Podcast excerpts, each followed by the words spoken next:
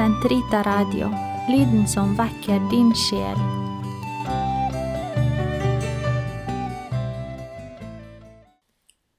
Den katolske kirkes katekisme, uke 25, tirsdag, paragraf 407 til 412.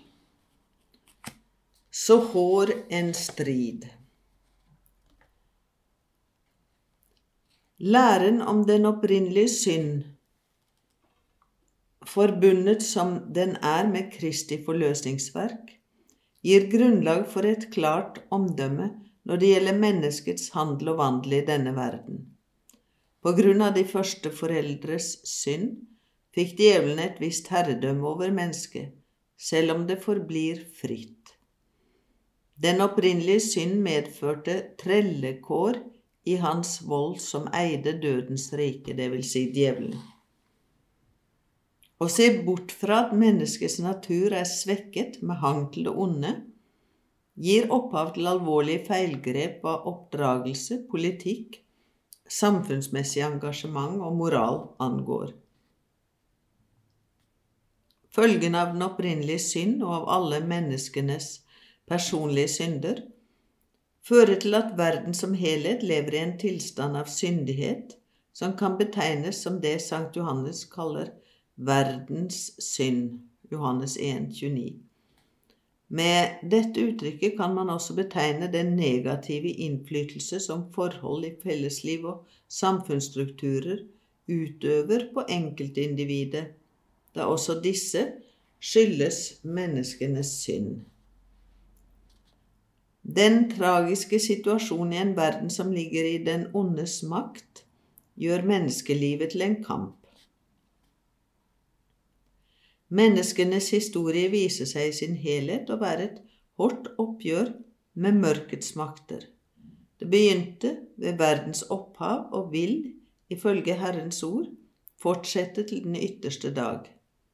Menneskene er blitt trukket inn i denne konflikt og er derfor nødt til stadig å kjempe for å holde fast ved det gode.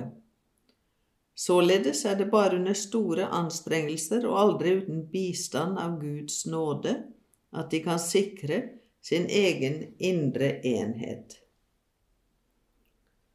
Du overga oss ikke i dødens vold. Etter syndefallet blir ikke mennesket forlatt av Gud. Tvert imot kaller Gud på mennesket og varsler det på lønnlig vis om seier over det onde og oppreisning etter fallet. Dette avsnitt av Genesis er blitt kalt protoevangelium, fordi det inneholder det første forvarsel om en forløsende Messias, om en kamp mellom slangen og kvinnen, og om hennes etterkommeres endelige seier.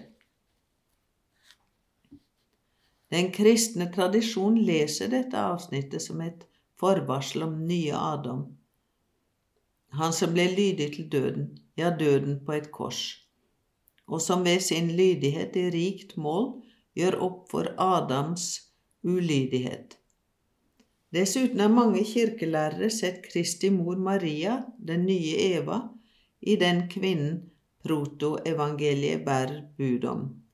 Hun var den første som på et enestående måte høstet fruktene av Kristi seier over synden hun ble bevart ubesmittet av den opprinnelige synd, og hele sitt jordeliv igjennom, ved en særlig nåde fra Gud, begikk hun ingen synd av noe slag. Men hvorfor hindret ikke Gud det første mennesket i å synde? Sankt Leo den store svarer, Kristi uutsigelige nåde ga oss goder som er bedre enn dem demonens misunnelse tok fra oss. Og Sankt Thomas Aquinas tilføyer Det er ingenting i veien for at menneskenaturen ble bestemt for et høyere mål etter synden, for Gud tillater jo at ondt blir gjort for å vende det til et større gode, slik den hellige Paulus sier, der synden var stor, ble nåden enda større. Romerne 5, 20. Og i eksultet synges det Å salig synd som fortjente en slik og så stor en gjenløser.